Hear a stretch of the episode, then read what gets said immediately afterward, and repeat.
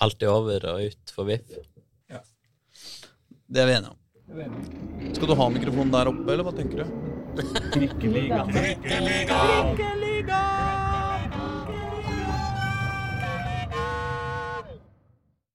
Mine damer og herrer og andre, velkommen til Trikkeligaen sesong 3, episode 46. Eh, Dagsavisens podkast om Oslo-fotball. Jeg heter Aslak Borgersrud. Sammen med meg har jeg Reidar Solli. God dag, god dag. God dag, god dag. Og Jørn Skjerpe. Hallo! Halla, går det fint med dere? Det går fint med oss, gjør det ikke det? Ikke så fint med VIF herrer, for eksempel. Nei, det har vært, eh, det har eh, vært noe greier, altså. Det, det var en tung uke for, eh, for Vålerenga. Men, Men veldig mye avklart da, i divisjonen under, og mye morsomt som skjedde. Absolutt. Absolutt. Uh, Damesida går det jo fryktelig bra. Ja, eh, I hvert fall for Vålerenga. Alt ja det gjør vel det for Lyn òg? Ja. Ja. ja da, ja da, ja da. Eh, alt dette skal vi, eh, skal vi snakke om i dag. Eh, forhåpentligvis litt kortere enn forrige episode, som ble, nesten ble en ny rekord på eh, 43 timer. Eller hvor mye det ble til slutt.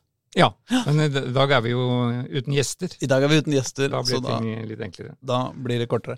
Men før Alt dette skal vi snakke om, men før vi skal snakke om det, så må vi altså markere en uh, sørgelig nyhet.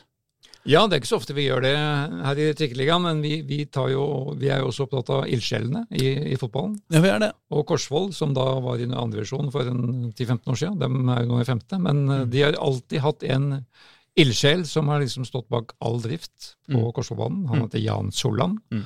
og han uh, gikk da bort uh, her i, for noen dager siden. Mm. På Ullevål sykehus. Og han er, han er da liksom eh, kjent som Mister Korsvoll, Ja. hvis det går an å si. Og mm, far drev klubben, og sønnen Petter trente laget. Ja. Slik har det grunnen vært på Korsvoll. Ja. Og Så har det gått litt opp og ned sportslig, men Jan var da like blid, uansett hva som skjedde.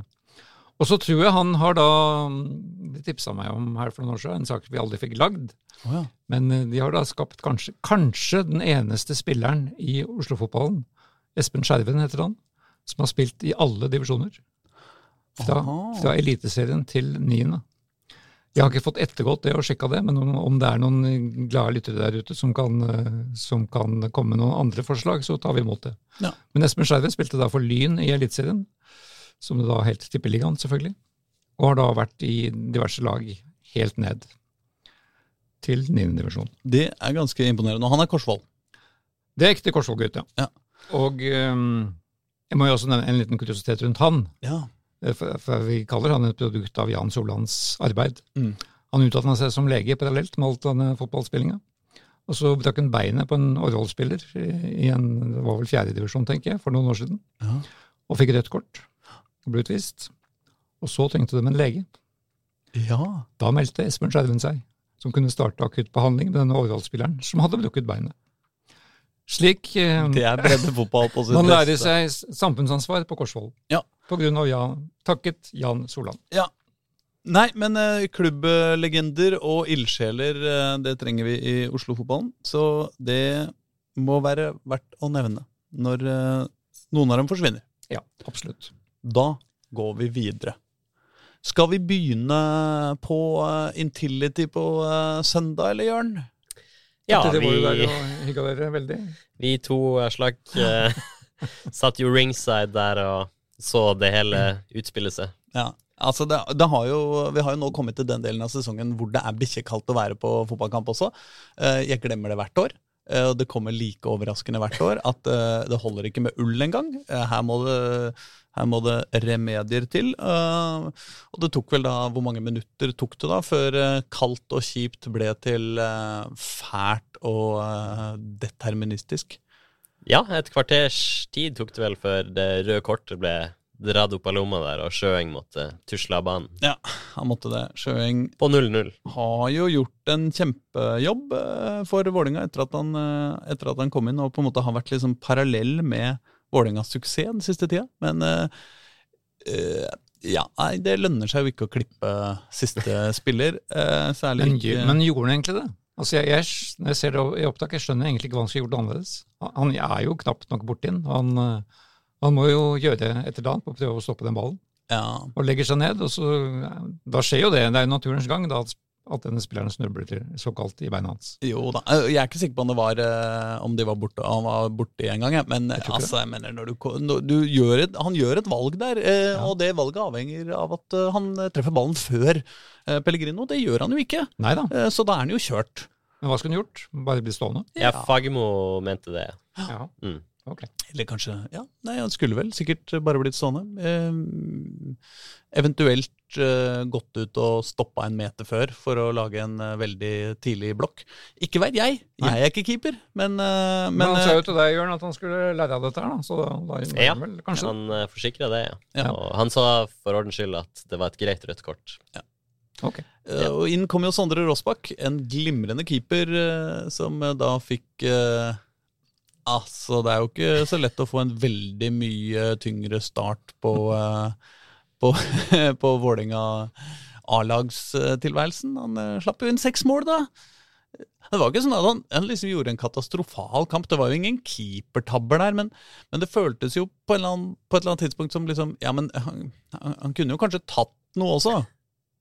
Det hadde kanskje Ja, På en god dag hadde han jo tatt noe, men, men det er som du sier, det var jo ingen keepertabber. Nei, men han gjør én god redning eh, i hele kampen. Og, og på det tidspunktet har han akkurat vært ute på hjørnet av 16-meteren og spilt ballen rett til en Bodø-Glimt-spiller på 30 meter. Eh, men altså, akkurat den situasjonen den greier han å redde igjen, og det er det eneste gode redninga hans. Så jeg veit ikke om det står igjen som et pluss i boka da, når han først har gitt eh, Glimt en sjanse, og så redda han etterpå. Vi fikk den på børsen av Jørn. Eh, fire. Fire. ja. Å, ja, men du er så raus, du. Nei, du vil ha Ja, han så Det minner meg om litt om han Skeid- han Skeid-keeperen, som- eller han reservekeeperen i Skeid som de henta fra Wolverhampton, islendingen, Ja. som debuterte for annetlaget og slapp inn seks eller sju mål i første kamp, Ja. og ble kåra til Skeids beste spiller. ja, ikke sant. Så det er jo mulig. det er tungt å gi Rossbakk eh, kamp, eh, Vålerengas beste spiller. Altså det, men, altså, men, men det er jo en sånn kamp hvor eh, eh, man mest sannsynlig kanskje ikke skal uh, dvele altfor lenge med enkeltspilleres innsats fordi kampen er så katastrofal. Ja. Og det er klart at Glimt er jo et betraktelig bedre lag enn Vålerenga når de spiller uh, bra fotball. Det er et mye høyere toppnivå, da. Og, det, øh, og Vålerenga har jo også et ganske lavt bunnivå. Vi, det, det var det ikke mulig å glemme. I- Ja, for det er, jo, det er jo den analysen som egentlig er interessant nå. Og så var endte på Aspmyra vår 1-5, var det vel? Mm. Mm. Og så var det 0-4 for Rosenborg på Intility, og 0-3 i Trondheim, og Ja. 0-6 for Bodø-Glimt her. Ja.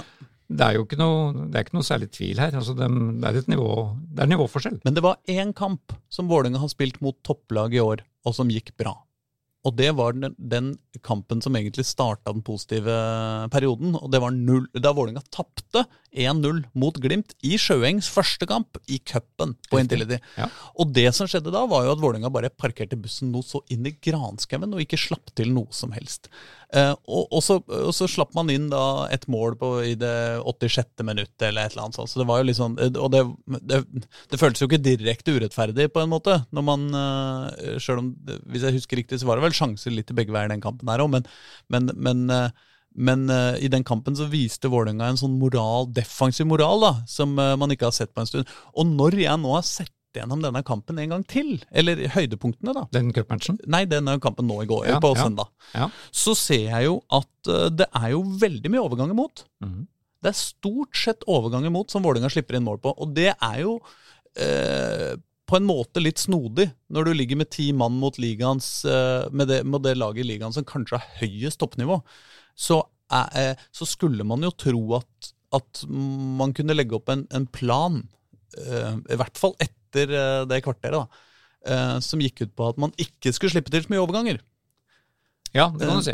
Men Vålerenga vil jo helst ikke spille på den måten. Altså, De vil jo helst ha ballen sjøl og prøve å angripe, og de har en, en, en spillemateriell som liksom er bygd opp med tanke på det. Ja da, men, Men, men de viste jo i den forrige Glimt-kampen at de er jo i stand til å håndtere en sånn der defensiv, eh, superorganisert eh, disiplinkamp. Ja Men det så vel litt sånn ut før utvisningen òg. Lå veldig Ja. dypt. Og Ja, ja, altså Mariannegropa var ikke så djup som, uh, som Vålerenga de første ti minuttene. Eh, så, men, men det var jo også eh, Altså Det er jo også helt ekstremt med, med personlige feil i forsvarsleddet. Altså, det er jo eh, eh, Altså På den første overgangen, bare, hvor Hedenstad altså blir lurt av Pellegrino på en helt sånn streit egentlig. Det er en overgang, og så er det liksom Ja, der kommer det til å komme et innlegg fram mot Pellegrino, og så løper Hedenstad mot ballen, mens, mens Pellegrino går i bakrommet, og før Hedenstad skjønner hva som har skjedd, så er han tre meter bak. ikke sant? Så det er jo helt katastrofalt. Eh, på målet, som da kommer bare noen minutter etterpå, eh, så, så, så er det Juklerød og Oldrup som driver og diskuterer hvem som skal dekke hvilken mann. Og så Å ja, å, ja der kom inn! Å ja, ja, nettopp. Ja, ja, det var han. Altså, det er egentlig Juklerød prøver å overtale Oldrup til at han skal gå og dekke en annen fyr. Og så glemmer Juklerød da samtidig å dekke sin egen mann. På tredje, nei, på andre målet er det Tollås som støter altfor seint på Pellegrino og får en sånn uh, uflaksstuss på et skudd fra 16. Ja. Det er jo på en måte et sånn eh, Ja ja, det er litt sånn, sånne mål som kan skje iblant, og det er liksom ikke noe veldig å uh, hisse seg oppover. Uh, og så er det Juklerød som er treig, Hedenstad ikke med hjem. Oldrup taper dueller og følger ikke mannen sin etterpå. Bjørdal selger seg og taper. Altså, det er Det høres tungt ut. ja, al altså det var så mye det, det, det var mye av det greiene der, altså. Eh, og som er veldig sånn Når du ser det i reprise, så ser du veldig tydelig hvem det er som har gjort feil. Det er ikke det at nødvendigvis Glimt er liksom spiller helt legendarisk godt angrepsspill. Eh, hvor, hvor du tenker liksom Ja, ja, det der går ikke an å stoppe. Det er, eh, det er veldig mye konkrete feil. Ja, det var mye, ja, mye rusk generelt i bakre firer der. Ja. Så så ser de to kampene sammen, da, på Lerkendal og, og nå, så er det vel også noe med at Vålerengas potensielt største salgsobjekt må vel også innrømme å ha hatt en litt svak høst. Også Odin Tiago Holm skal liksom ha taktstokken på dette laget. Ja. Det er det som var tanken. Men eh, han ble jo totalt anonymisert, både på Lerkendal og, Ja. og her. og Osame Sarawi. Eh, I første omgang eh, Osame fikk jo bare første omgang mot, uh, mot Glimt, og det var jo ganske fælt å se på, egentlig. Han, han eh, hadde pasningsalternativer som han ikke brukte, eh, prøvde å drible, feila i fintene. Altså, han, eh, han ble totalt avkledd på, på fintene sine. Det er jo sjelden det skjer, så sånn sett er det jo kanskje ikke så farlig, fordi stort sett så lykkes han jo med de fintene. Men uh, mot Glimt, som mot Rosenborg, så var det bare Ja, men sorry, de har forsvarsspillere som, som ikke lar seg lure så lett. Og da og da, da er det jo ikke så greit, da. Nei, og Når, når du er vant til å leike gjennom Forsvaret, så plutselig så går det ikke lenger. Så ja. Så da forsvant vel både medalje og europaambisjoner neste år? Ja, ja vi snakka om det før kampen, at uh, dette, sjøl om det var en vanskelig kamp, uh, fra, også før, eh, før eh, det røde kortet, så var det åpenbart at liksom, denne kampen måtte faktisk Vålerenga vinne for å henge med i, eh, for å kunne ha en sjanse til medalje. Fordi sjøl med seier i denne kampen så ville det være veldig veldig vanskelig for Vålerenga å få medalje. Men alt annet enn seier vil, vil, betyr bare å glemme det. Og nå er det vel fem poeng eh, ned til sjetteplassen og åtte poeng opp til fjerde, eller noe sånt. Så jeg husker ikke akkurat nøyaktig, men det er noe der i leia, liksom. Ja. Sånn at det er klart at nå handler det om å, om å ikke få en fullstendig kollaps. ja, fem poeng ned til sjette og fem poeng opp til fjerde. Ja. Mm. Ja, Som er Lillestrøm. Ja, for de holdt Ja, for Lillestrøm tapte jo også. Lillestrøm tapte Ja. mot Molde. Så sånn sett kan det jo gå an å se for seg at Lillestrøm får en fullstendig kollaps. Det er jo fire kamper igjen. Eh, men, eh, men, men, men liksom det saklige å, å tro og håpe på nå er at Vålerenga ikke skal kollapse fullstendig, og dermed beholde femteplassen. Ja, for hvis de gjør det, er det jo en pussig sesong hvor de da hadde den rekka hvor de holdt på å sette klubbrekord i antall seire på rad her i sommer. Ja. Som da ble, ble ødelagt i tapet i Kristiansund. Ja. Men jo hadde en kjempe, kjempe Hva heter det? Et kjempesen sommer, Ja. kan vi kalle det. Ja. Men det kan, er det så ille at de kan igjen styre ned mot nummer sju? Eller er det ikke den Nei, ja, det skal veldig veldig, veldig skal mye til. Da skal Ja. man ha fullstendig kollaps. ned til Sarpsborg på Ja, men Vålerenga har ikke et veldig vanskelig program heller. Vi har, det er vel riktignok Molde står vel på den lista. Molde er i siste kamp jeg Ja. til. Ja, Men, dem bortsett fra det, så, skal det, så er det mye sånn derre jeg- Borte mot Odd, eh, hjemme mot Sarpsborg. Uh, ja, Sarpsborg. eh, Og så er det borte mot Haugesund og hjemme mot Molde. Ja, så det er fullstendig mulig å, å, å, å gå i For det er jo ingen lette seire her. Det er jo ikke, det Nei, er ikke noe jerv her. Så kan Nei. du si Kristiansund burde jo være en sånn lett seier. Men altså, det, kan, det kan gå gærent, men, men vi må jo nesten regne med at, eh, det, at liksom Si de vinner to av de fire siste, da. Så skal det egentlig være helt greit. Eh, Men hvordan var, reaksjon, hvordan var reaksjonen hos klanen? Jeg oppfattet at den var ganske altså, positiv i, Ja, ja, i. Ja, det er mitt inntrykk også, at den, Ja. at den i stad Eller altså eh, i, i, Mot slutten av første omgang var det katastrofe og ble dårligere og dårligere stemning og, og uh, motløshet. Men så, men så fant man vel eh, Fikk jeg inntrykk av, da, nå har jeg bare, bare på opplevelsen fra tribunen, at uh, man falt, fant en eller annen slags snodig kombinasjon av håp og sjølironi. Uh, Framtidstro og sjølironi Ja, på slutten ja. her, som gjorde at det ble litt sånn derre det ble litt annaltog, og det ble litt sånn Det kunne vært verre, vi kunne vært Lyn, og, Ja, og liksom noe sånne, noe Jeg sånne. har jeg har fått også litt uh, positiv ironi der på slutten. Og, for det var ganske, det var mye synging i Ja, ja siste halvår. Ja da, ja da. Så, det, så det, er, det er ikke sånn at Vålinga er knust. En femteplass er jo et bra resultat historisk for Vålinga. Eh, ikke noe sånn legendarisk, men liksom en, en god sesong, på en måte. Og er bare litt kjedelig å spille fire kamper til slutt som, som uh, i praksis ikke betyr noe. Men, uh, men en god sesong, og, og på en måte alt er greit. det er jo det. Og så er det den derre uh, katastrofale periodene våres som, som gjør at man ikke er med å slåss om medaljer. På den andre sida så er jo det det som kanskje er det rareste med årets sesong. Er at du har under Molde Molde har hatt jevnt høyt nivå hele sesongen, ferdig med det. Men de tre neste De fire neste laga på tabellen, altså både Rosenborg, Glimt, Lillestrøm og Vålerenga, har vært veldig sånne periodelag. Som har hatt liksom ekstremt høyt høy, toppnivå, men også liksom har hatt noen perioder hvor man har liksom surra seg skikkelig bort og ikke fått til noe som helst. Og det har jo også både Glimt og Rosenborg har jo spilt fryktelig dårlige perioder. Men, men det er klart Vålerenga sin ræva periode varte lenger enn noen av de andres. Ja, de hadde den lengste perioden. Det er riktig. Men det er jo sånn at Vålerenga er fortsatt øh, noen hakk bak de to laga. Det sånn at, på, det er jo ja. ikke sånn at uh, 2023-sesongen bare nå Vålerenga greier å ikke surre bort uh, og tape åtte på rad, eller hvor mye det var i, på vårsesongen, så, så blir det sølv. Fordi, fordi det, er, det er langt igjen, tror jeg. Ja, det var det disse kampene viste. Ja. Det var rett og slett stor nivåforskjell. Ja. Både opp til Rosenborg og opp til Bodø-Glimt. Skal vi uh, bevege oss til en mer Ja, skal vi gå til Obos? Ja, vi får det, for Vålerenga kan jo få selskap uh, neste år fra Absolutt. Oslo. Det er jo fortsatt håp, håpet lever.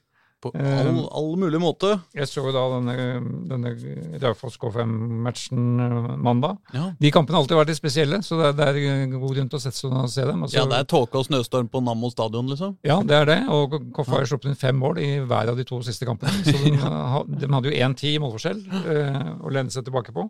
Jeg var jo der på den elleville 5-4-kampen, var det vel, for to, to år siden. Den gikk i desember, da det, da det, ble, da det, da de begynte å hoppe, hoppe på ski i Lønbergbakken i pausen. For det var det som var eh, det var det det var føre til. Men eh, i, i går var det da motsatt. altså De vant da sin første seier noensinne på Nammo stadion.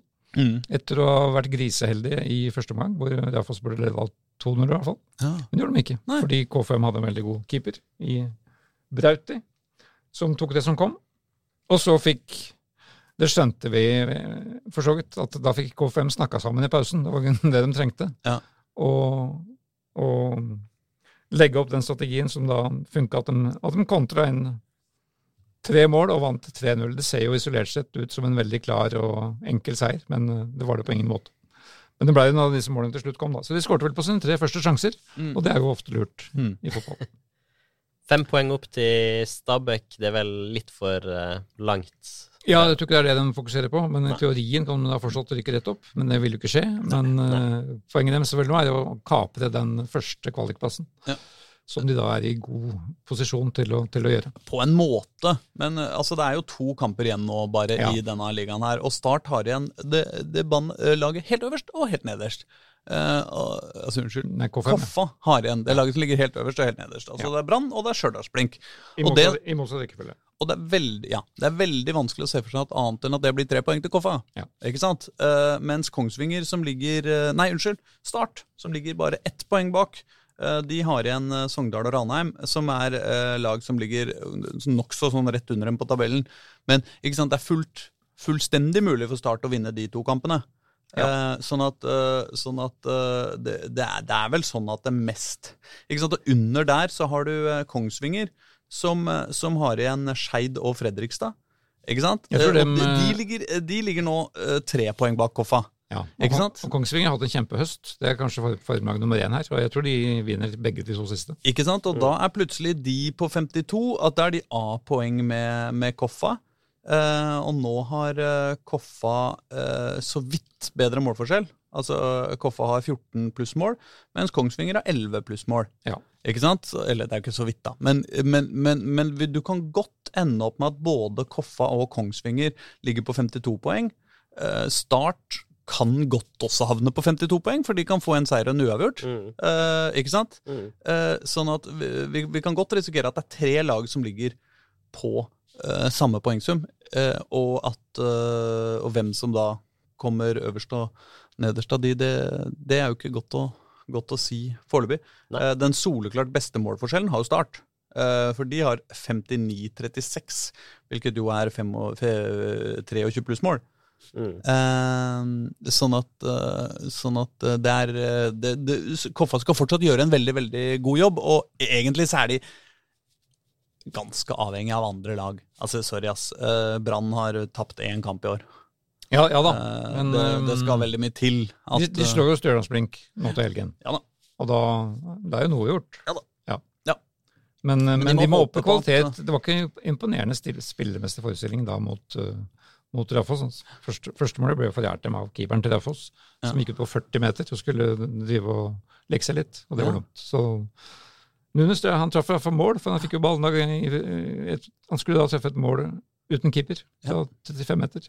Men det gikk fint. ja, men Núñez eh, er jo vår venn. Eh, Han er vår venn. har jo vært her, og, og Ja, ja, ja. jeg lurer på om han nå har oppdaga at, at han har en navnebror i, eh, i, i Premier League. Det kan hende. Nei, eh, altså fordi Da han var her og vi intervjua han eh, om eh, navnebrødre, Ja. så visste ikke han om Darwin Nunes, eh, som eh, spilte på det tidspunktet i Benfica. Ok. Eh, Men, eh, men det kan jo være han har fått av med seg nå, eh, nå som han spiller spiss på Liverpool. Ja. Det var bare det jeg mente. Ja, vi kommer til å erte deg med det lenge, Nunes! Ja, ja, ja. Håper du hører på. Mm, ha, ha, ha. Og skammer deg. Nei, men KFM er vel da i tidenes posisjon da, til, til å klare dette her, og har allerede satt klubbrekord i Obos-ligaen. De har aldri tatt mer poeng på neste øverste nivå. Ja, Så det, det er noen milepæler som, som nås. det er. Eh, Det er jo også en viss eh, en veldig, veldig positiv utvikling hos våre venner i Grorud. Litt seint, men Litt seint, men veldig godt. Nå har de altså uh, fått uh, sju poeng på de tre siste kampene uh, mot henholdsvis Raufoss, Sandnes Ulf og Sogndal. Eh, det er jo ikke lag som man skal kjøre over heller, det. nei, absolutt Så hva er det som har skjedd på Grorud, som gjør at den plutselig, plutselig vinner en masse kamper?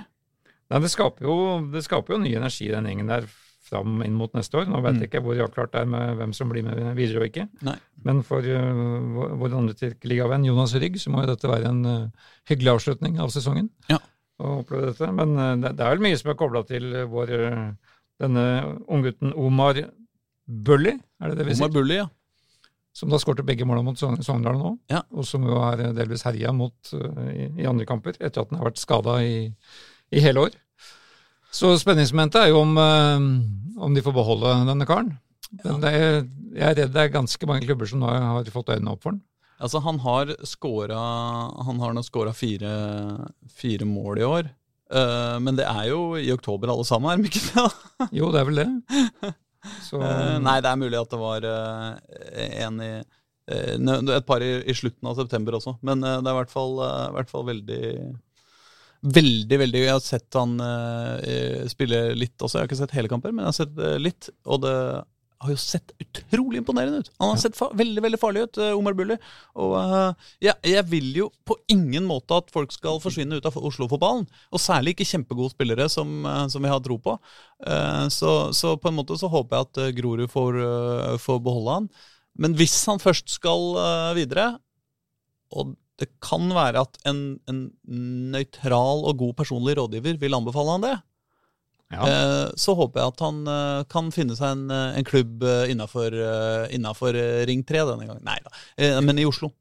Er banen innenfor Ring 3, eller klubb? Nei, det var det, det var det jeg tenkte på. Altså, Ja. Koffabanen er jo vanskelig å si. Den er jo på en måte i forlengelsen av Ring 3. Ja. Ehm, og, og, og sånn sett så spiller jo alle eh, Oslo-lag innafor Ring 3. Unntatt Grorud. Det Skeid er vel også utenfor ring, ring 3. Nei, Ligger på oversida. ja, Ring 2, ja. Er det ring 2? Nei. Det Nei, det er sant! Ja, de er ligger på oversida av Ring 3, de. Ja, Ja. det er sant, det. Unnskyld. Så da er jo bare. Intility som er innafor. Ja, ja, og så kan du si at, den, eh, at det er en diskusjonsspørsmål da, på, på uh, Ekeberg. Fordi ringen går jo ikke så langt, men den slutter jo på Ryen. Ikke sant? Ringen slutter jo på Ryen. slutter den på det? Ja, eller går den utover Ringer slutter jo ikke. Nei, men Ja, det, ja den gjør det her, da. ja, Alternativt er jo at den går oppover Ja, eller sørover på, på E6, og da vil- er det i hvert fall innafor. Jeg, jeg vil definere Ekeberg som utafor ring 3. Nei, men det, det er greit, altså. Nei, men Det blir spennende å, å følge Grorud. Det skal vi følge med nyhetsmessig, for der skal jo både trenerspørsmål også avklares. Jonas Rygg hadde vel avtale ut året. Ja, Han må jo sies å ha fått seg en eh, god uh, Altså, jeg mener Jonas Rygg har jo helt fine resultater. Har Etter det. at han kom inn. Han har fått eh, tre Er tre-fire seire de har uh, greid å kjempe seg til eh, etter hvert. Um, Tre, Tre seire, ja. og alle de tre seierne har kommet etter at Jonas Rygg kom ut mot og godt over halvspilt uh, uh, sesong.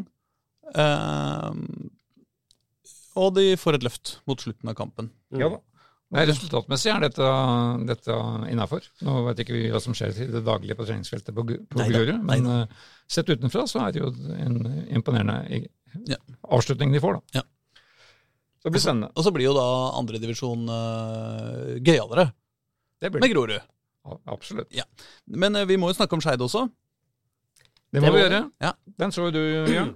Ja, det ble en uh, tung opplevelse i Bergen for Skeid. 0-3-tap.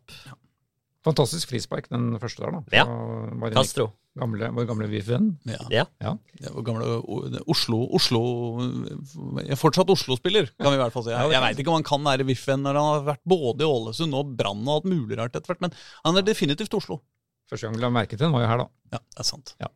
Enig. Men han klinte da inn et frispark fra 20 meter, var det det? Ja, 18 kanskje, eller Ja, noe sånt. Okay. Ja. Eh, god prestasjon. Ja, og Gard Holme, Skeid-treneren, sa etter matchen at uh, det er kanskje første gang på tre år at han hadde tenkt uh, i dag har vi ingen sjanse. Ja. Så han uh, ja. Ja. Et nikk til Branns kvalitet der. Nei, men så nå, Da har Skeid eh, sementert plassen på 14, eh, den 14. plassen. Det var vi jo eh, redde for. Ja, det ble Eh, som venta. Avgjort. Det de har gjort, altså, ja. Um, og da, da blir det Man skal ganske høy på poengsum med den Obos-ligaen for å sikre plassen. Ja. Um, det er litt fascinerende. Ja, da Skeid kan jo få 31 poeng uh, og Ja. fortsatt havne på kvalik. Likevel havne på kvalik. Ja. Så, Ja. um, så det er jo litt trøst, eneste trøsten i det er jo at eh, mange av disse her håpløse poengtapene på overtid ikke blir så, så utslagsgivende. Jeg tenker særlig på den frisparkgreia mot Fredrikstad som kom i siste minutt. hvor, som var helt unødvendig. Men eh, disse, disse tingene kan vi glemme. De skal konsentrere seg om kvalik, og nå skal de da spille to kamper som da formelt ikke betyr noen ting. Mm. Eh, først nå mot Kongsvinger, som du sa. Eh, så spørsmålet er hva de skal gjøre med de kampene, da. Men der er vel alle faglige råd om at det er bare å gønne på. Ik ikke slippe seg ned, noe Ja. som helst. Ja, og det svarte jo Holme også, at de kjører som, eh, Ok.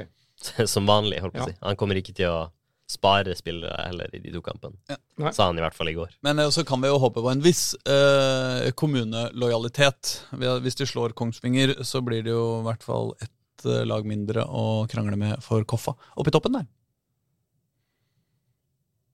Den um, skjønte ikke jeg, men um, Jo, altså I playoff-striden, mener du? Ja, ja, Kongsvinger er jo eh, det, Kongsvinger er jo, et av de laga som kan poeng, bli av de tre poeng eh, De, de tre laga på samme poengsum. at Skeid I kan hjelpe toppen. Koffa, ja. Ja, Ja, ja. ja, ja. ja, ja. Og uh, i kvalik, da, så ja hvem blir det der? Det blir en, eller ett av fire lag. Moss, Arendal, Hødd eller Ullkise.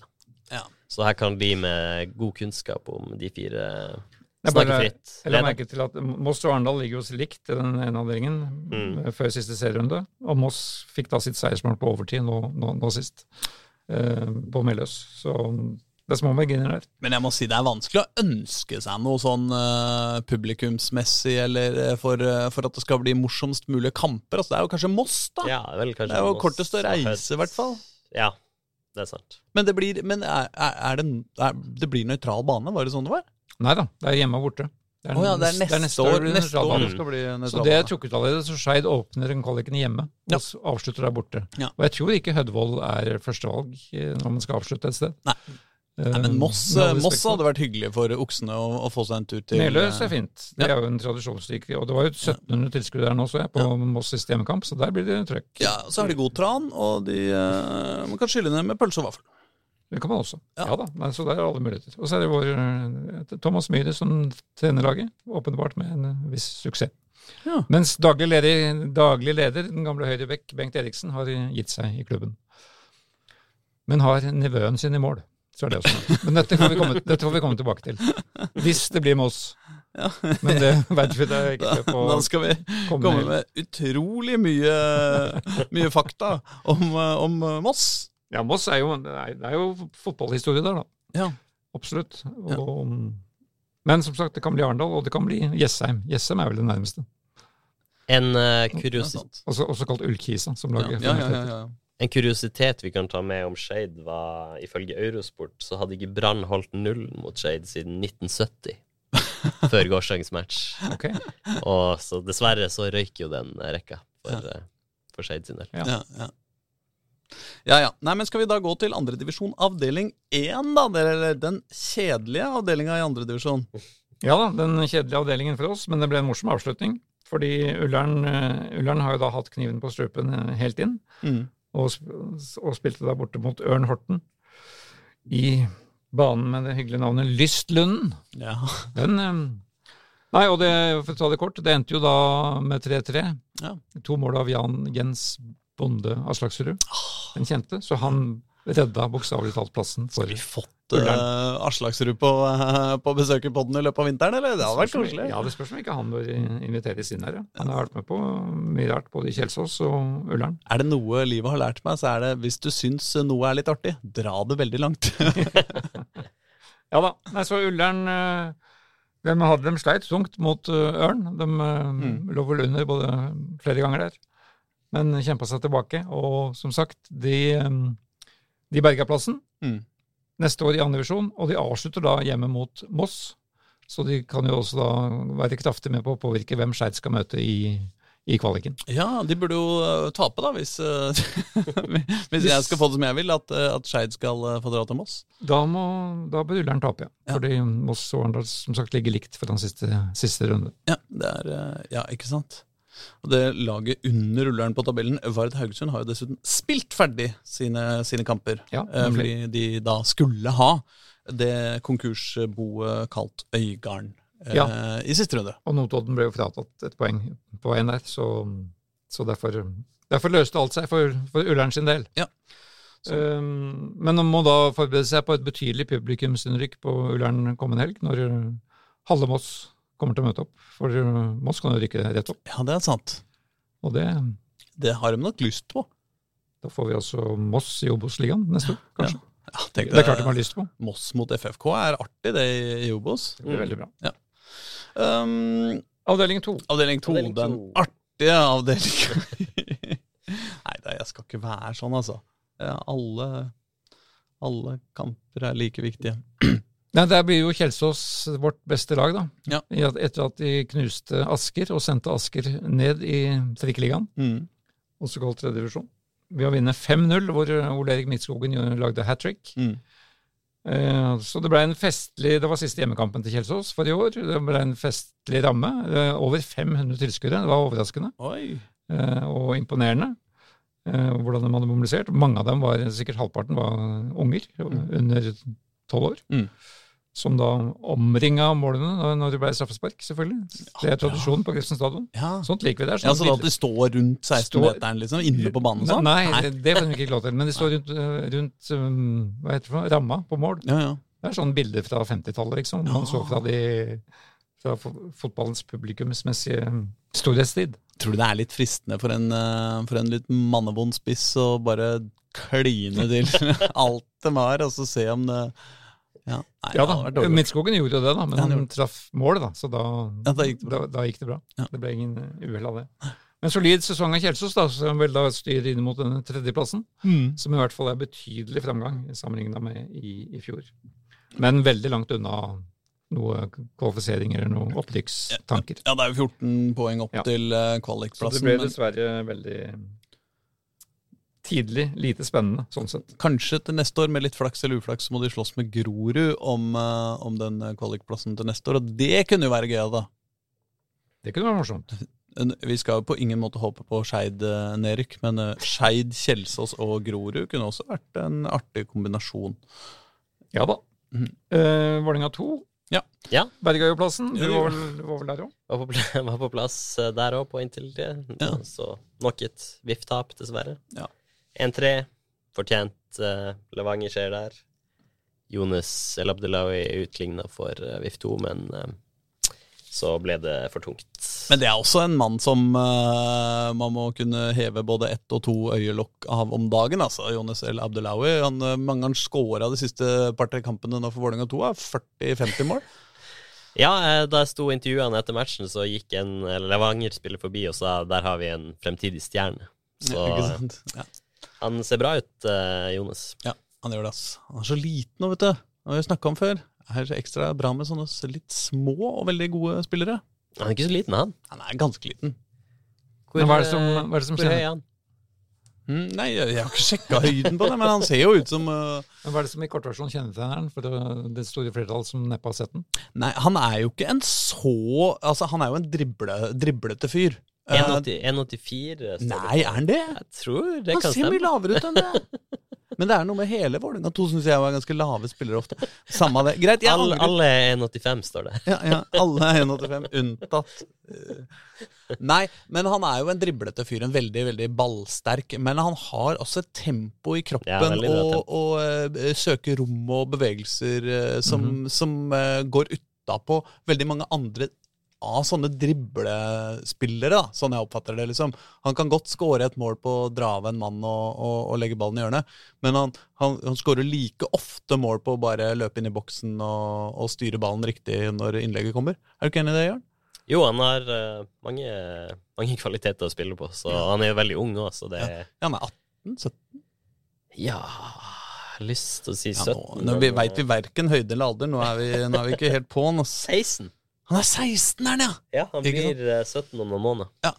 Nei, men også markerer seg så tydelig eh, i, uh, i andredivisjon, så er det klart at eh, han skal spille eliteseriefotball hans neste år. Og helst eh, en god del av det. Ok, ja. Eh, det tror jeg eh, i hvert fall. At hvis ikke, så må han jo Altså, det, det Lånes ut til Obos, kanskje? Eller? Ja, men han, det er nesten så jeg føler han er for bra for det, vet du. Mm. Eh, eh, ikke sant? Det det er liksom eh, noe med Men det er klart at Vålerenga har jo et luksusproblem i, i angrepet. Eh, altså Vålerenga 1. Fordi man har jo også Dikko, som har gjort en usedvanlig bra jobb, og Mm. likevel eh, eh, står og dytter på en måte det er, det er fortsatt vanskelig å komme seg forbi eh, Sarawi og Amar Layoni Lajoni og, og Torgeir Børven. Eh, ikke sant? ja, så har du jo Henrik Udal også i bakhånd her. Ja. Som, spiller, som spiller Ja, du har-. Han, han starta han nå på håndlaget. Udal? Ja, han pleier, Nei, gjorde han ikke det? Han pleier altså, Det var sikkert med tanke på matchen dagen etter at han ikke gjør Ja, for de spilte, da, de spilte før De spilte lørdag, da. ja. Ja, riktig. Mm. Nei, men, men det, det er veldig lang vei framover.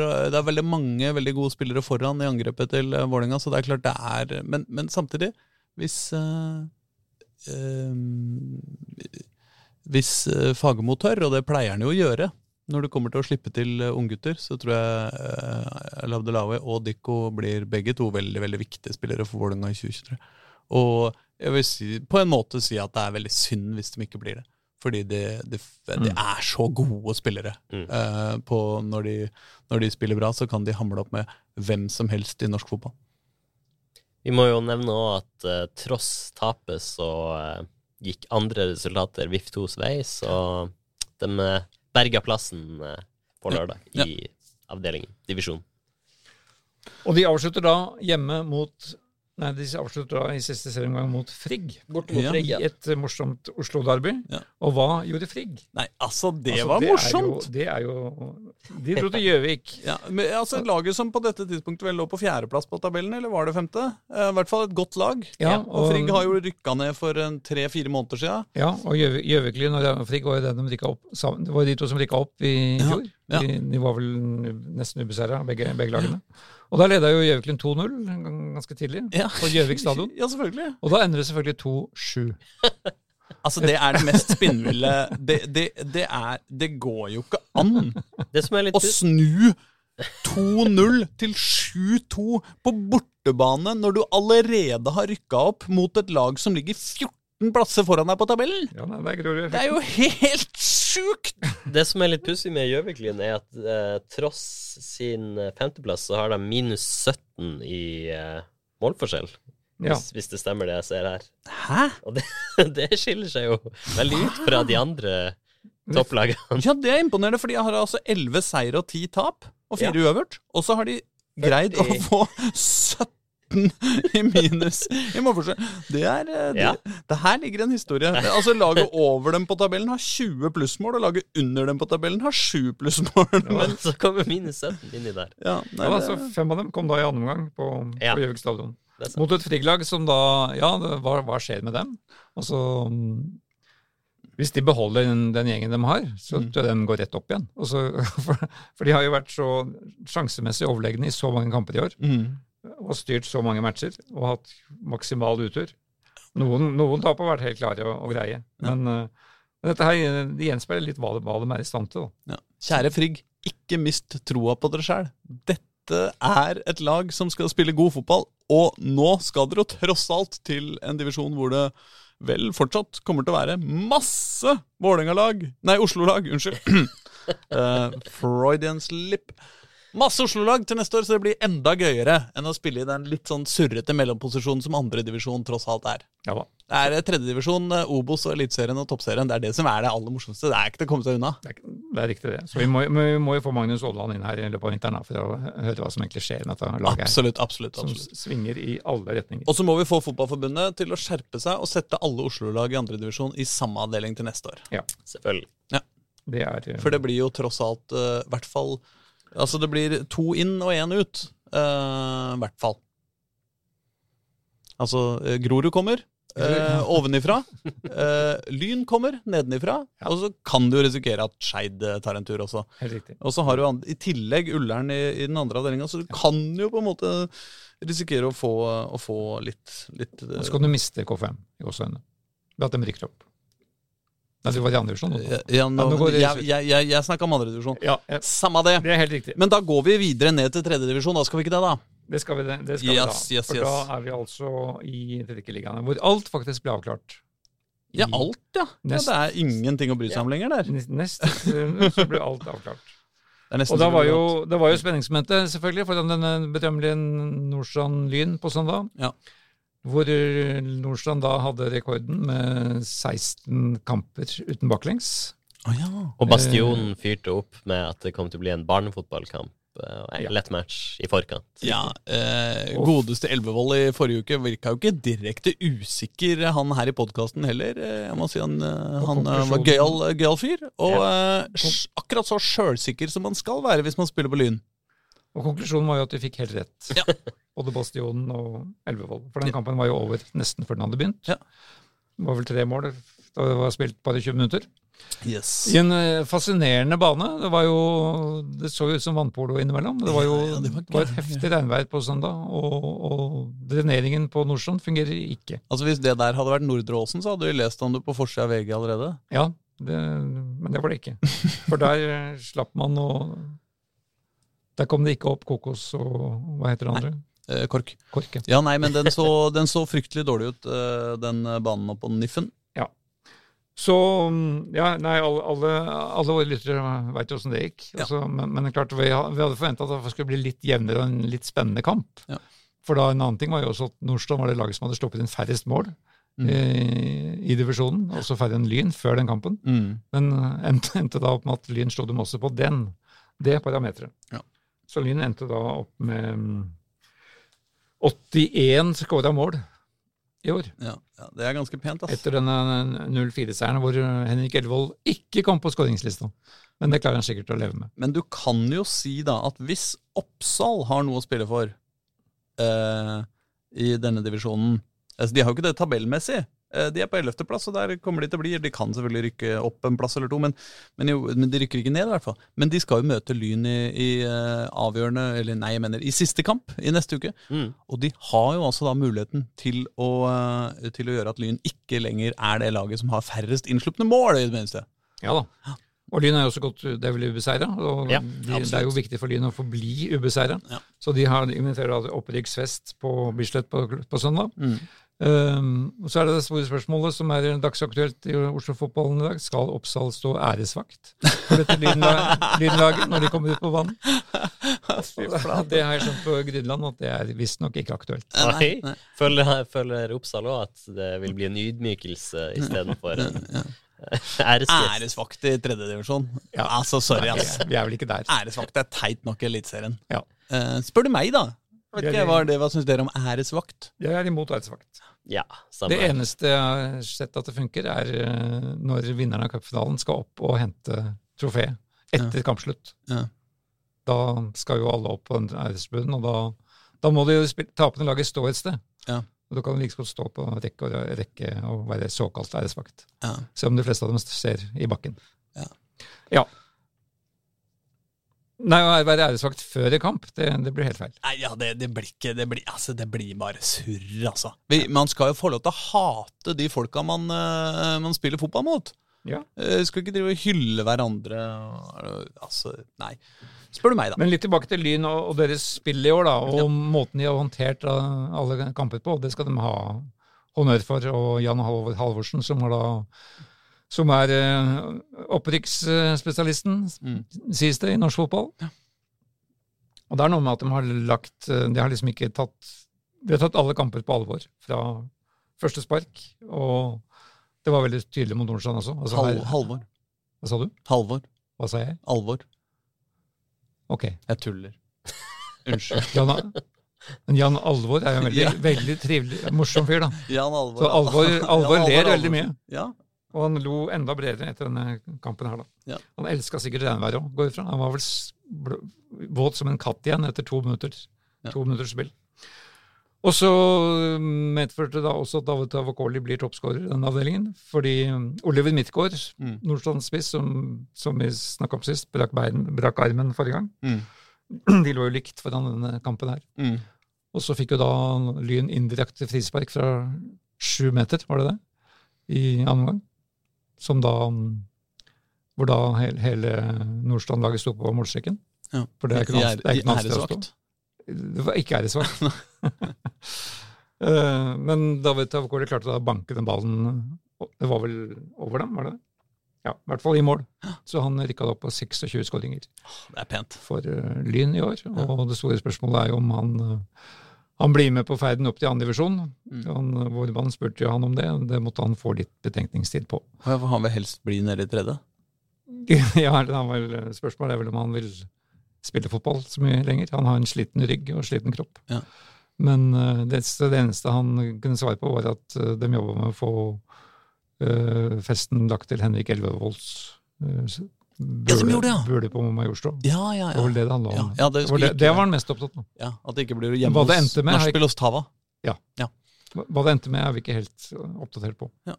Det skal vi finne ut av. Men velkommen tilbake med Lyn. Det er første gang siden 2015 de er i andrevisjon. De, vant- de vant jo tredjedivisjon med 16-15 poeng i året etter, og Mm. fikk da ikke lov til å rykke opp pga. omlegging av seriesystemet. Kan jeg få Og si noe litt Å nei, ja. har de bala rundt der nede. Ikke sant. Er det blitt, Har det gått så lang tid, ja? 15 år? Nei, sju år. Ja, ja, 20 2015, ja. Ja. ja, ja, ja så det var ikke så gærent. De gikk konkurs i 2010. Ja, ja, ikke sant? Var i siste gang i andredivisjon i 2015, og de prøvde å bygge seg opp. Ja. Rykka ned på målforskjell Ja. i 2015, og siden har de rota det til. Kan jeg få si noe artig om Jan Halvor Halvorsen? Det kan du få lov til. Eh, For det går en eh, eh, Altså, det er sånn at hvis man søker på han på, på Google, så får man ofte litt sånn overraskende forslag. Eh, på, på hva, hva det neste ordet er, etter at du har søkt Jan Halvor Halvorsen. Uh, Og det henspiller da på et bilde, et lagbilde av Brann uh, for gamle dager. uh, vi, viser Nils Henrik Smith på Twitter. hvor, hvor Jan Halvor Halvorsen Jeg kan jo vise det til dere her, gutter. Det er jo alle de alle spillerne har på shortsen sånn som shortser normalt skal være på, unntatt Jan Halvor Halvorsen, som, som har den på bak fram. Eh, og, og det er jo artig nok, bare det. I tillegg så, så er det liksom Det er mange som diskuterer om det er noe mønster i den shortsen, da. Som uh, antyder et eller annet. Ikke veit jeg hva de tenker på, for jeg er en sånn sweet summer child. Uh, som, men eh, det er mye artig med Jan Halvor Halvorsen og shortsen bak fram på Twitter. eh, eh, som, som folk setter pris på om dagen. Ja. Og det er jo verdt å Går den, han går ikke fortsatt med shortsen bak fram? Jeg har ikke sjekka, men vi møtte han jo i fjor eh, Nei, i sommer. Nei, når var det? I, i, i vinter. Vinter, var det. Da var det ikke møtte- shorts. Nei, da hadde han ikke shorts. Nei, Nei, jeg har bare sett den i sånn eh, Hva heter det for noe? Sånn grilldressantrekk Ja. siden. Og det Trenerklær. tror jeg- gått riktig vei. Men går eh, Lyn rett opp igjen til første, da? Reidar? Eh, nei, det gjør de ikke. Nei. Fordi det vil de med erfare. Andredivisjon nå er atskillig tøffere enn siste mål der. Altså, for den er jo også spissa siden den gang. Det er jo morsomt, fordi at Lyn og Brann er litt like på dette området. Eh, eller supporterne omkring altså Begge disse laga mener jo nå at de er eh, altså så mye bedre enn alle andre at de liksom godt kunne bare hoppa over neste sesong og bare rykka altså det, eh, Brann mener jo de er eh, medaljekandidat i Eliteserien med det laget de har nå, og Lyn mener jo Veldig mange Lyn mener jo de skal rykke rett opp fra andredivisjon uten at det blir null stress. Får man inntrykk av hvis man eh, leser eh, for mye på internett. Ja, Men det det, må man ikke gjøre. Det gjør de nok ikke. Men derimot tror jeg Nordstrand, hvis de beholder den gjengen sin, Mm. at de blir en favoritt til, eh, i, i trikkeligaen neste år. Ja. Fordi de har også samla 59 poeng. Ja. Og de hadde også, som jeg nevnte forrige gang, de hadde leda fire av de andre avdelingene i tredje divisjon med den poengsummen. Ja. Så, så Nordstrand har gjort en fantastisk sesong. Altså det er synd at, at det sprekker så kapitalt da, i den kampen som, som ble en slags finale for dem. Og så er det selvfølgelig ekstra synd at uh, Grei og Reddy rykker ned, da. Ja, og de fikk jo da følge av Kjelsås. Ja, de får følge av Kjelsås 2 også, ja. Kjelsås 2, den- denne, denne Ja, på søndag, ja. Fordi de møtte jo da Grei i siste match. Og, og for å bevare håpet, så måtte jo da altså Kjelsås måtte vinne for å fortsatt ha en mulighet til, til å klare seg. Ja. For det er vel Stabæk 2 som ligger foran der, som, som vant sin kamp. Eh, så Kjelsås da møtte, møtte jo da nedrykksklare Grei, og da skjer jo det også der at eh, disse nedrykksklare lagene, de, da kommer seierne når alt er avgjort. Ja. Og da må jeg s- dessverre si til vår, vår mm, faste lyttervenn Terje Kirsebom om Mm. at han kanskje på sin beste dag ville tatt den der 2-1-skåringa som kom på overtid eh, fra Greis side. Men nå ble heldigvis ikke det avgjørende, da. Jeg tror han er helt enig, men eh, det ble ikke avgjørende. Det var ikke det som sendte dem ned i, i fjerde divisjon, som det da faktisk blir. Nei. Men eh, nei, nedtur for Kjelsås, som hadde en ganske god høst etter at Jesper Solli gjorde sitt comeback og, hjalp til litt. Mm. Han spilte også nå, men mm. nei, dem er eh, Det blir divisjon fire igjen neste år. De er ferdig. Hvordan eh, er det da sånn Er det noe nede i divisjon fire som vi kan eh, drømme om å, om å få opp Ja. i trikkeligaen, eller hvordan ser det ut? Bare først så tenkte jeg for en gangs skyld skulle trekke passeren eh, noen hundre meter utafor grensa til Oslo. Hvis vi gir oss til tredjedivisjon avdeling seks, Ok. Gjelleråsen. Åh. Det er ikke langt, det er ikke langt unna bygrensa. Nei For det skiltet står jo rett oppi bakken der eh, før du kommer til rundkjøringa. Ja, altså det er jo det, det, det skal ikke mye byplanlegging til før Gjelleråsen er en del av Groruddalen. Nemlig. Og de kan bli De kan um, rykke opp i andrevisjonen på, på søndag. Ja. Ren, ren finale mot Strømsgodsets andrelag. De ligger likt på tabellen før siste serieomgang. Ja. Godset rykker opp med uavgjort. Gjelleråsen, kjenner vi noen der? Marianne Pettersen kommer derfra. Hun eh, som var innom VIF damer som uh, mental trener her Ja. Hun- i fjor, var det vel. Ja. Hun var toppskårer på landslaget og Gjelleråsen. Mm. Jeg er sjokkert over at du sier Gjelleråsen og ikke Gjelleråsen, men uh, her får vi leve med å være uenige. Jeg sier Gjelleråsen, Ja, du og du sier Gjelleråsen. ok. Ja. Nei, men dette kan sikkert folket på Gjelleråsen hjelpe oss med. Kanskje. Hva er riktig uttale? Mm. Eh, Hva sier du, Jørn? Jeg ble usikker her. Gjelleråsen. Ja, det, jeg føler det var nærmest min. Ja. Eller kanskje ikke. Jeg vet ikke. Men Ja. eh, apropos, apropos Strømsgodset 2, altså det, det blir, denne evige debatten om annet blir ytterligere forsterka, for nå kommer både Ålesund 2 og Brann 2 har vunnet av hver sin avdeling i, i tredje divisjon. Ja. Så de har inntil også andre divisjon neste år. Um, så annet blir det nok av. Ja. Og det er kjedelig, Ja. syns vi. Har, har ikke vi vedtak om det, at vi syns det er kjedelig? Nei, jeg er litt sånn uh, delt i spørsmålet. Av egoistiske årsaker. Ja, Men Du uh, godtar bare ett annet lag. Ja. For du spurte om fjerdedivisjon, og der Ja. kommer det enda et annet lag opp. Fordi Ja. Ullern 2, oh, har, gjør det det? Ullern 2 har klart det. Oh, ja. Så de har avgjort den ene såkalte Oslo-avdelingen der. Fordi de slo Fagerborg eh, mandag kveld. Ja. Og da kan ikke de bli tatt igjen. Der har jo våre gamle venner i Heming sprukket fullstendig, så de ble he- hekta av i den opptidskampen. Mm. Så var det Holmlia som overtok liksom eh, eh, tok over utfordrerrollen der, Mm. og skal ha Ullern i siste kamp. Ja. Men det blir ikke noen finale, fordi mm, nå skiller det Det er vel fire-fem poeng som skiller. Ja, ja, så Ullern, Ullern 2 er oppe, kort og godt. Gratulerer med det, Ullern. Og da gjenstår To. det bare den uh, berømmelige duellen som vi har vært opptatt snakket om før, Gamle Oslo mot KFM. KFM2. Ja. Men, eh, og da har vi, var vel der vi vedtok at nå har vi fått nok av annet lag opp. Vi ønsker oss egne klubber. Det er klart vi gjør det. Ja. Eh, og da er det Gamle Oslo mot uh, Manglerud, eller FC Oslo, da, som de liker å bli omtalt som. Uh, mot uh, Manglerudstad i dag, eller? Det er i kveld, ja. Ja! Så da skal det avgjøres nå, ja. Hvor er dette? Å Nei, det blir ikke avgjort i kveld, men, eh, for det er vel to runder igjen. ja, det Men, er det, ja, eh, selvfølgelig. Men det kan, det kan jo bli avgjort i kveld, ja. Hvis, hvis, Ja, Hvis eh, Gamle Oslo vinner og Koffa taper mot Hasle Løren, eh, som eh, ligger og kaver på nest sisteplass i Ja. tabellen. På tabellen. Det blir spennende, det òg. Gjør det. Ja. Og da er vi kommet til det som er vanlig kutyme her, at vi tar kvinnene sist. Jeg, jeg syns ikke det er vanlig kutyme. Vi må Nei, nei. variere litt. Får ikke håpe det. Nei, nei, nei, vi får ikke det. altså. Uh, Vålerenga damer har jo hatt en plutselig oppsving. Uh, går det ikke an å si det? Altså, de begynte jo dette sluttspillet ganske, ganske slapt, med en uh, tap mot Brann. Det var litt tungt tap, fordi Vålerenga skårte først. Det var da Vålerenga hadde en såkalt kjerkeskåring. Eh, hvis du husker det begrepet? Nei. Nei, nei det, er, det er eh, egentlig Håkon Thons eh, begrep. Det er når Vålerenga scorer mens kjerka fortsatt synges. Ja. Eh, fordi eh, kjerka spilles jo på anlegget eh, fram til sånn eh, vers nummer to. Eh, fram til dommeren blåser i gang Mhm. kampen. ikke sant? Og etter det så synger jo publikum Ja. kjerka sammen. Og hvis da det er en scoring før kjerka er ferdig synging, så er, så er det vi kaller en Det er kjerkeskåring, ja. Ja. Um, men likevel greide Vålerenga å tape den kampen, jeg tror det var 2-1. Uh, og det triste med det var jo at det var samme dag som Vålerenga herrer tapte borte mot Kristiansand etter å ha gjort nøyaktig det samme. Skåra en kjerkeskåring helt i starten. Uh, så det var en trist dag for Vålerenga. Men etter det så har de jo jaggu begynt å ta seg opp litt. Grann. Det må det være lov å si. Ja, for de har jo da slått Rosenborg to ganger. Mm. Senest nå på Koteng Arena. Mm. Eh, De slo dem ingen ganger i, i den ordinære serien. Og det var jo lenge Nils Lekserøds store frustrasjon at de de vant ikke noen av disse kampene mot de andre topplagene. Nei. Men de har snudd, så nå har de slått Rosenborg to ganger. Og, og forskjellen fra denne kampen her mot den på, på Intility, Mm. som de også vant 2-0 Ja.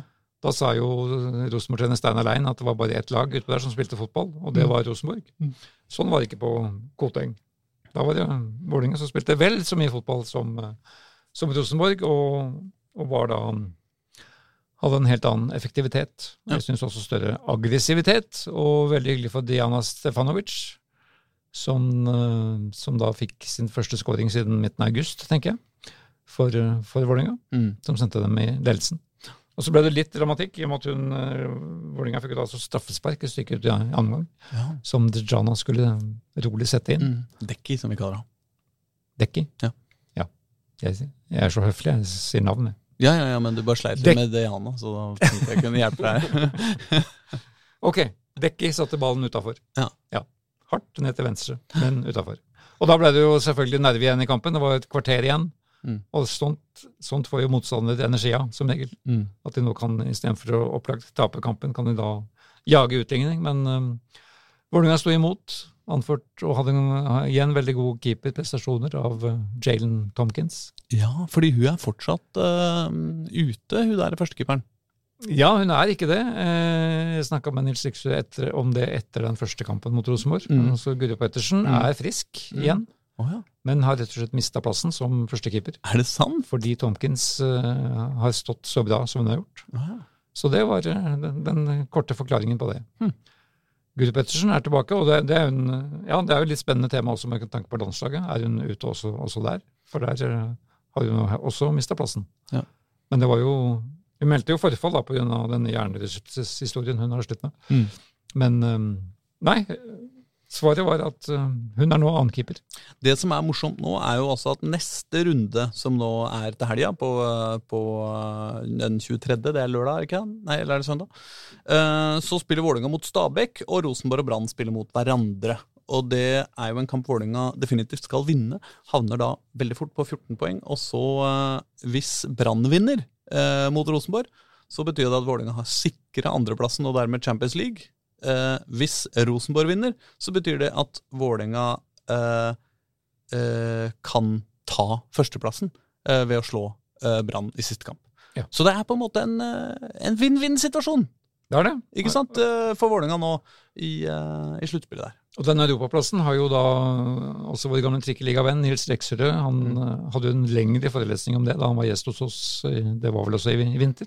Det var jo det som var det store målet. Han snakka jo om, mer om Europa enn om Vålerenga, nesten. Ja. Og nå, hvis de da når det når målet, så tror jeg det også kan ha litt å si for eh, spillerstallen neste år. Ikke minst Dejana. Dejana. Det, altså, jeg veit ikke, du kan si hva du vil. Jeg, jeg pleier å si det, Anna, men eh, jeg sier også Gjelleråsen, så Ja, nei, du, du sier så mye rart. Men Ja. eh, Stefanovic, da. Ja. Uh, blir hun i Vålerenga eller ikke? Hun Mm. har jo Hun sa jo allerede til oss mm. at London var jo drømmen hennes. Ja. Å komme seg dit. Og, og de har jo prøvd, men Vålerenga har sagt nei. Og det blir interessante, interessante samtaler der utover høsten, hva som, hva som skjer med henne.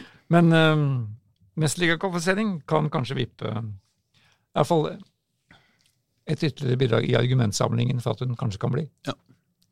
Skal vi hoppe til eh, slutt, eh, nedrykkssluttspillet? Ja, eh, det er vel ikke det det heter, men, men, men det er vel det det praksis er. Altså, på fotball.no så Ja. heter eh, sluttspillet heter toppserien Sluttspill topp fire. Ja. Mens eh, nedrykkskampen heter Toppserien sluttspill. Ja, så det heter ikke det er ikke noe med nedrykk. Det, Nei, det heter toppserien sluttspill. Ja, og Toppserien sluttspill topp fire. Hos, Ja. hos uh, Alt om fotball heter det nedrykkssluttspill. Ja, Men eh, det offisielle navnet som jeg forholder meg til, er da Toppserien sluttspill topp fire. Eh, og Toppserien sluttspill. Hvilket er 100 meningsløst. Dette har jo også Vålerenga nå uttalt seg. Sendt ut en pressemelding om uh, hvor de er rasende på. Ja, for toppserien sluttspill får da ingen vinner, for der, kåres det ingen vinner. Men det kåres bare de som skal rykke ned. Ja. Men uh, etter at Lyn og Røa spilte uavgjort nå, nå sist helg, Ja. 1-1, Ja. Så er det definitivt at Lyn i hvert fall ikke kan. Mm. De er jo et av de bedre lagene i, den, i det sluttspillet. Det er jo veldig sosialdemokratisk og fint. da. Ingen vinnere, bare Ja. tapere. Men som du sa, Vålerenga har da sendt ut en pressemelding. De har jo vedtatt i styret at de vil ha slutt på sluttspill. Mm. Selv om de selv var en av klubbene som gikk inn for det da det ble vedtatt. Mm. Men, eh, men de gikk jo aldri da inn for den modellen som spilles i år. Eh, Men så har vel da NFF allerede vedtatt at det blir, det blir jo det samme systemet neste år. I Mm. hvert fall med sluttspill, men Mm. selve sluttspillet vil bli justert. Og det er en komité som nå er nedsatt, som skal sitte og legge seg med med ja, men så de hyggelig. neste ukene. Ja. Om hvordan, hvordan det sluttspillet neste år blir. Det blir ikke som i år. Nei. Men det blir sluttspill, og så vil Vålerenga da ha ikke-sluttspill fra 2024, blir det. Men i eh, sluttspillet som ikke er topp fire, eh, blant eh, andre nettsider kjent som Nedrykkskampen, så er jo eh, både begge eh, laga vi bryr oss om, eh, ligger jo ganske fint an. Ja. Lyn er jo nå på andreplass, delt ja, av A-poeng med Arna Bjørnar som leder, i den fullstendig betydningsløse kampen om å vinne divisjonen uten vinnere. Mens også Røa er nå fire poeng foran eh, TIL, som eh, ligger an til å rykke ned eh, sammen med Kolbotn. Um, så det skal være fullstendig mulig, i hvert fall. Avaldsnes, hvordan ligger de igjen der, da? De er uh, mellom der. De har fire poeng. Eh, altså, Nederste laget er Kolbotn. Det er jo den store skrellen her. Ja, det er overraskende. For de var jo veldig nær å komme inn i topp fire-sluttspillet. Ja, Ja. De var faktisk det. Og så har de kollapsa fullstendig og har nå to poeng etter å ha spilt fem kamper. Og så er det TIL 2020. Altså Populært kalt Tromsø. ja, men et, et, et betraktelig verre navn enn Tromsø. TIL 2020. Eh, De har tre poeng og er da også på direkte nedrykk. Men de, de, eh, de kommer jo fra eh, nedi der, så, så det er jo kanskje ikke så overraskende. Så er Avaldsnes på fire poeng på sjetteplass, og Røa eh, og LSK i fellesskap på sju poeng. Men det er jo ikke noe som er avgjort. Det er to kamper igjen å, å spille i den serien der. Så eh, Men Sørøya må, de må ha mer poeng, antagelig. For å være sikker. ja, Nei, kanskje ikke. Altså, jeg tror det skal gå greit, ass. Jeg har store problemer med å se for meg at, eh, at eh, Tromsø vinner begge sine siste kamper, f.eks. Um, men man veit aldri her i verden. Men dere som da har disse teknologiske dingsene oppe, den divisjonen under der, det er jo noen som skal opp. Ja, Også? eh, Hva da? Det er det jo ikke. Er det Dette ikke? er jo diskusjonen om de som skal opp. Det stemmer, det. Det er jo på en måte TIL 2020 og Åsane. Jeg trekker alt tilbake. Jeg er også da for omligging av sluttspillet neste år, sånn at til og med jeg kan skjønne det. Topp. Jeg lurer på om vi da kanskje bare skal si at eh, det er greit, det. Hvis vi ikke har noe mer å tilføye. Nei, da er jo også serieavslutning i Trikkeligaen, som ikke betyr noe. Men eh, jeg syns jo folk må møte opp og Både Lyn og Oppsal er jo to fascinerende klubber på hver sitt vis. Absolutt. De møtes på Bislett. Takk for i dag. Ha det! Ha det.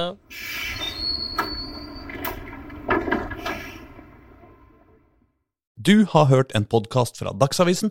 Ansvarlig redaktør heter Andreas Heen Haaland Karlsen.